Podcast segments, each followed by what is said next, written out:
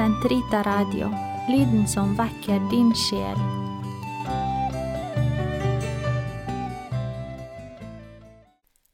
Karmels hage episode 44 Julekrybben i våre liv Når dere hører dette programmet, står julekrybben i vinduskarmen hjemme hos oss. Det er en ganske sliten julekrybbe. All den grønne mosen på taket er forsvunnet etter stadige opp- og nedpakninger. Det er heller ikke noe mose igjen der Jesusbarnet, Josef og Maria skal finne sin plass. Vi ser at det er en billig utførelse i sponplater og bark. Den er også over årene blitt utvidet med enda et sett med masseproduserte krybbefigurer i leire, samt alle de englene som har kommet inn i huset til oss som små gaver og oppmerksomheter. Jeg har fremdeles to Mariaer og to eksemplarer av Jesubarnet, men de tre konger som i vår romjul har vandret på peisehyllen ved hjelp av små guttehender, er nå redusert til én enslig konge. Han vandrer fremdeles, ikke så energisk som før, men jeg får være fornøyd, alderen tatt i betraktning. Fordi vår julekrybbe raskt vokste i antall figurer, ble det mulig å ha den tradisjonen at det kunne komme en ny krybbefigur for hver dag i advent. Det var to små gutter som skulle få trenge ned i denne vakre tradisjonen. To par med små barneføtter som løp i full fart fra sengen om morgenen og inn der krybben sto, for å se hvem som var kommet i krybben i løpet av natten. Julekrybben ble altså satt frem første søndag i advent. Der sto den tom, kun med en liten sau liggende på det bare gulvet. Over den hang julestjernen, den som kun ble tent etter barnemessen julaften. Den hang der mørk og uten så mye som et lite lysglimt. Det har krevet, og krever fremdeles litt av meg, å holde den mørk hele advent, når jeg på mine turer i nabolaget ser hvordan stjernene lyser fra vinduene, hvor vakkert det er med disse lysende stjernene i denne mørketiden. Men slik er nå vår tradisjon. Hver dag i advent kommer det altså en ny figur i krybben. Og når dere hører dette, har det kommet en rekke kyr og sauer, ja, sågar en gjeter. Noen små engler, kanskje det er kiruber, har allerede steget ned for å overvære ventetiden. Stjernen henger over krybben, fremdeles like mørk. Men nå er det ikke så lenge til den skal tennes. Hver julaften, etter at vi kom tilbake fra messen, løp jeg inn for barna, fant frem lille Jesus, det lille Jesusbarnet jeg hadde gjemt på et lett tilgjengelig sted, og tente stjernen. Jesus var kommet i krybben. Verdens lys var kommet til vår lille familie. Kanskje var det mest mammaen som virkelig verdsatte dette ritualet. Julaften og adventstiden er som kjent her i Norge rimelig befengt med store forventninger om gaver og pakker, ja sågar hver eneste dag hele adventstiden. I disse julekalenderne som alle mødre med respekt for seg selv bruker mye tid på å fylle opp. Jeg gjorde også det, og forsøk på mer idealistiske gaver ble ikke særlig godt mottatt. Ja, sannelig kan vi være fanget i hvordan våre omgivelser påvirker våre barn. Men vi som foreldre kan i tillegg til dette vi ikke har helt sansen for, samtidig holde fast på disse vakre, gode tradisjonene, som sikkert mange av dere har etablert i deres hjem. I den vesle krybben der Jesusbarnet skal plasseret julenatten og jomfru Maria og Josef skal knele på sine knær, ligger det i år små høystrå.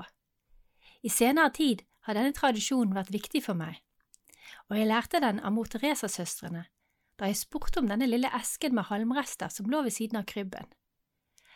Da fikk jeg vite at hver gang en søster hadde overvunnet sine egosentriske preferanser, tanker eller følelser, hver gang hun hadde ofret noe, så la hun et lite, unnselig strå inn på det harde gulvet i julekrybben. En mengde små offer i advent skulle bygge en bløt seng til Jesusbarnet når han skulle fødes i verden og i våre hjerter. En utrolig vakker tradisjon som jeg er overbevist om at man kan også la barn få ta del i. Ja, vår julekrybbe nå, for en mor med voksne barn, er i all hovedsak et lite redskap for meg i det store arbeidet å overvinne meg selv, og bli stille, liten og mottagelig for barnet som skal komme. mer om troen som vokser i menneskehjerter etter at vi har bedt. Kom, Hellige Ånd, fyll dine troendes hjerter og tenn i dem din kjærlighetsild. Du som gjennom de mangfoldige tungemål samlet alle folkeslag til troens enhet. Send ut din ånd, og alt skal bli omskapt, og du fornyer jordens åsyn. La oss be. Gud, du har opplyst de troendes hjerter ved Den hellige ånd. Gi oss at vi ved din ånd kan glede oss over det som er rett, og alltid bli lykkelige ved Hans trøst. Ved Kristus, vår Herre. Amen. I forberedelsen til disse meditasjonene i Karmels hage rundt advent har jeg lest en liten bok.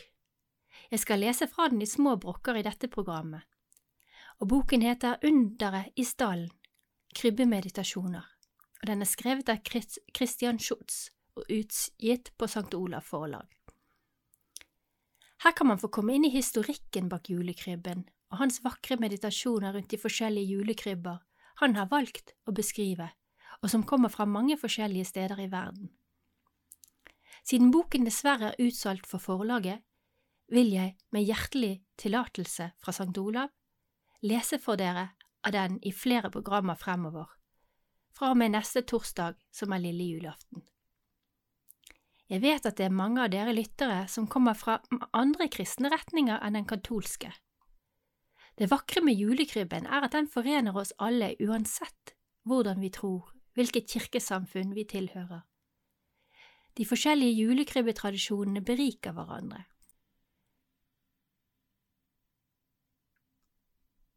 De belyser forskjellige aspekter av vår tro,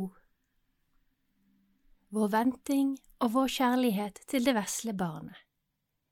I den forbindelse passer det godt å lese et lite sitat om krybben fra Martin Luther, som Schutz har med i bokens forord. Han skriver. Jeg har ofte sagt og sier det igjen, den som vil erkjenne Gud og uten fare spekulere om ham, bør bare stirre på krybben. Begynn nedenfra, og lær Jomfru Marias sønn alvorlig å kjenne. Han som ligger i moen skjød og ammer, da vil du jammen lære hvem Gud er. Og pass deg for de høye og flyvende tanker om å klatre opp i himmelen uten denne stien, nemlig Herren Jesus i hans menneskelighet. La ikke fornuften bringe deg bort fra dette så vil du jo ha forstått Gud på den rette måten. Det står på side ti i boken. Ja, la oss i den tid som er igjen før jul, sette av tid til å vente på Herren, tid til å glede oss når julens forberedelser er over og vi kan sette oss ned og lære Jomfru Marias sønn alvorlig å kjenne, for å si det med Martin Luthers ord. Jeg nærer en utrolig stor takknemlighet til krybben og dens tradisjon, og vil fortelle dere i dag en liten historie fra virkeligheten. Det er en liten historie som sikkert mange av dere kan undres over og kanskje inspirere til deres egne historier. Jeg tar utgangspunkt i en julekrybbe. Og det var ingen vanlig julekrybbe. Nei, den var gedigen. Den tok like så mye plass, eller mer, som en moderne flatskjerm og den ble satt opp i advent og inneholdt de mest fantastiske forseggjorte figurer. Den var et prosjekt som to kristne damer hadde hatt over lang tid i sitt hjem. Disse to damene var jeg og vår familie så heldige å bli godt kjent med da vi flyttet inn i vårt første hjem i Norge, i Kirkegaten i Bergen. Vi hadde da bodd i USA i fem år. Vår sønn var under et halvt år da vi flyttet inn, og noe av det første han lærte seg var å klatre opp de bratte trappene som svinget seg opp til leiligheten over oss. Var ytterdøren på gløtt, hos oss var han snart å snike seg opp til de damene i overetasjen, som vi etter hvert fikk vite hadde reist sammen land og strand rundt for å fortelle om Jesus.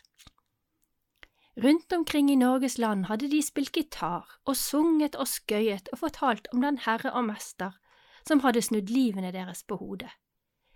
Ingen av dem var gift, og de hadde valgt på sine eldre dager å bo sammen. Deres hjem bar preg av år med gaver som har kommet dem til del.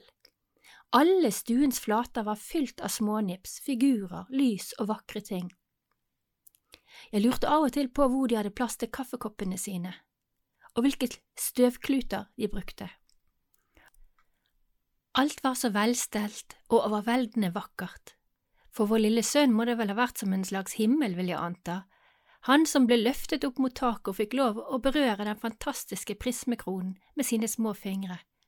Denne lyden, dette lyset, latteren, de gode klemmene. I adventstiden sto altså denne vakre krybben over stuens midtpunkt, og den fikk ingen røre, selv ikke vår lille sønn. Verken jeg eller min mann var særlig opptatt av kristen tro, jeg hadde sågar meldt meg ut av kirken så snart jeg kunne. Og likevel, hvor inderlig ønsket jeg ikke at også vi hadde en julekrybbe, en som vår lille sønn skulle få lov å røre. Og hvor vakkert var det ikke da jeg plutselig fant denne esken med masseproduserte julekrybber på min runde i byen. Jeg kjøpte den med en gang, selv om vi på dette tidspunktet måtte snu på hver krone. Men julekrybbe, det fikk vi altså. Det hører med til historien at det faktum at verken min mann eller jeg var troende, raskt ble oppdaget av våre kjære venninner ovenpå. Men dette var kloke damer, ja, de visste at veien til menneskers hjerter går gjennom kjærlighet og omsorg. Det skulle vi få i rikelig monn. Etter hvert eneste kakebesøk hos dem, og det var ikke få, så sto det kaker utenfor døren hos oss. Dagens avis ble levert på døren etter at den var lest ovenpå. Mange ganger, mang en gang, når den lille hadde krøpet seg opp trappene og ropt utenfor døren, kom han ned med en gave som han hadde fått av, av de snille damene. Det var gjerne små kristne bøker, beregnet på små barn som skulle sove. Og den lille insisterte på å lese disse bøkene om kvelden, om igjen og om igjen. Han som hadde ligget så lenge før han sovnet, sov så søtt etter bøkene. Det var dikt på rim, og han ønsket at jeg skulle synge, men jeg hadde jo ingen melodi til disse diktene, som kanskje var kjente barnesanger i kristne miljøer, for det jeg vet. Så jeg måtte dikte nye melodier hver kveld, og det var litt av en opplevelse. Siden fant vi frem bibelbøkene som han hadde fått til dåpen. Igjen ble de lest om igjen og om igjen, disse utrolige fortellingene om Jesu barndom, om skapelsen og om Gud, om disse, med disse naive tegningene og vakre fargene. Når jeg nå tar frem disse små bøkene, ser jeg at de er aldeles lest i filler. Dette lille barnet hadde en intuisjon som vekket en intuisjon i meg. Jeg for hjem til mine foreldre og tok ut den bibelen som sto i hyllen, og lurte på om jeg aller nådigst kunne få den med meg hjem igjen. Det kunne jeg. Og så, når den lille sovnet, fant jeg frem min egen bibel. Og det er de samme historiene sto, med ord skrevet i min 1930-oversettelse. Sakte, men sikkert vokste lengselen i meg, og plutselig en dag. Ja, det var den dagen jeg leste om kvinnen som, som ikke ble steinet, og som ble værende alene igjen med Jesus, som sa til henne, Heller ikke jeg fordømmer deg. Ved disse ordene var det som om hele mitt liv rystet. Heller ikke Jesus fordømte meg. Slik oppfattet jeg det. Dette var mitt første møte med Jesus, der alt tok til.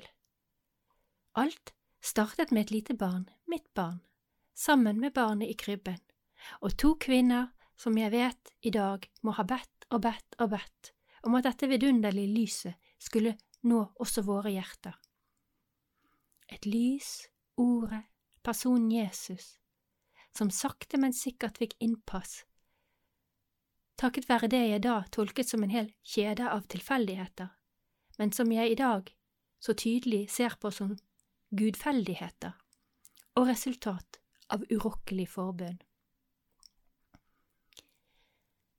Det er ikke før over 25 år senere at jeg plutselig skjønner hvor inderlig disse skjønne damene må ha bedt for oss. Det er først nå som jeg ber for unge om tro og glede, at jeg skjønner hva et kristent hjerte lengter etter for andre. Jeg fikk aldri takket disse damene, men de fikk oppleve at jeg ble kristen, og at jeg ble en kristen som skjønte at oppdraget var å gi troen videre til andre. Det må ha gledet dem, og jeg varmer meg med minnet om deres smil, humør, latter, og ved den uhøytidelige måten å være på, nesten naiv og barnlig. De hadde en sånn stor tiltro og tro til den Gud som de hadde liv som de hadde gitt sine liv til, og som virket gjennom dem. Jeg har i denne novembermåneden disse to spesielt i tankene, og er de nå i himmelen, så håper jeg at en av mine små julekrybbekiruber straks tar en liten tur opp med en klem og overveldende takk til dem. Så har jeg altså min egen erfaring med krybben. Jeg har også erfart hvor lang tid det tar her på jorden før vi skjønner at vi er innkapslet i denne vidunderlige Guds plan, og hvor tålmodig Han er med oss, og hvor tålmodige vi skal være, og hvor små vi skal bli, og hvordan det dypt menneskelige i våre relasjoner, ja, våre små barn, påvirker oss og hjelper oss og fører oss videre i troen. Et lite barn, et voksent barn, familie, venner og kirken blir alle del av vår helliggjøringsprosess på så mange måter. Jeg vil nå lese for dere et lite avsnitt fra denne boken Underet i stallen, som nettopp beskriver dette krybbens under. Som midtpunkt i krybben står Gud som et lite barn. I den dreier alt seg om et ubetydelig, ukjent og uanselig barn. Dette barnet har ikke noe annet å fremvise enn den kjensgjerning at det viser seg å være så lite og hjelpeløst som nettopp et nyfødt barn kan være. For en motsigelse! Et barn trekker hele skapningens oppmerksomhet mot seg. Skjer dette virkelig nærmest som en tilfeldighet? Et sårbart lite barn er i seg selv et under. Men om barnet i krybben gjelder det, det er alle underes under. I dette barnet åpenbare så oppfylles for våre øyne livets under, løftets under, håpets og fremtidens under. I dette barnet har underet Gud selv ikledd seg kjøtt og blod. Det er grunnen til at våre krybber er så fulle av anelser og forventninger. De inneholder lover, og gir mer enn det som kommer til syne i det ytre, og som vi direkte kan oppfatte. Vi trenger tid, mye tid, mye stillhet for å kunne oppdage disse skjulte tegn som ligger i krybbens vakre fremtoning. Schutz fortsetter. Når vi står der, stanser mye i vår verden opp, men også omkring og i oss selv, vår travelhet, vår uro, våre bekymringer og vår angst, og lys, fred og stillhet trenger inn i oss. Krybben blir levende og griper etter oss. Vi lar oss gripe og blir grepet. Midt i all den oppmerksomhet som krybben krever av oss, åpnes våre øyne samtidig for de små og ofte så virkelig store tingene i livet. Den lærer oss å bli overrasket, å bøye oss, å tie, å våke, og ta hensyn til det lille. Stille og diskré skal vi betrakte og tenke over underet i Betlehem. La det virkelig tale til oss, og la det berøre og bli truff, og la oss berøre og bli truffet av det. Krybben vil gjerne åpne vårt hjerte mer enn mye annet, kjenner og finner den tilgangen til hjertet. Dette er dens kunst, dens gave. Selv blir vi stående foran krybben, men den står ikke stille, den kommer til oss. Som avslutning på dagens meditasjon leser vi om krybben som tegn. Det vergeløse barnet i krybben er tegnet på at Gud ber om å få innpass og bli hørt. Ved kjærlighetsfullt å utvikle og forme krybber har mennesker helt inn i nåtiden aldri opphørt å stille seg til tjeneste for dette barnet og den Gud som står bak det, og det med sitt hjertes og sine evners beste krefter. Slik blir krybbene til det de forkynner. De er budbringere for og budskap om troen på den menneskevennlige Gud, som elsker menneskene. Vi svarer dem bare på rett måte når vi lar dem ta hånd om oss, og lar oss lede til troens gave og under. Den som tillitsfullt overlater seg til dem, vil kunne få se den frelse som Gud har forberedt for en hel verden, og fremdeles forbereder for oss. Amen.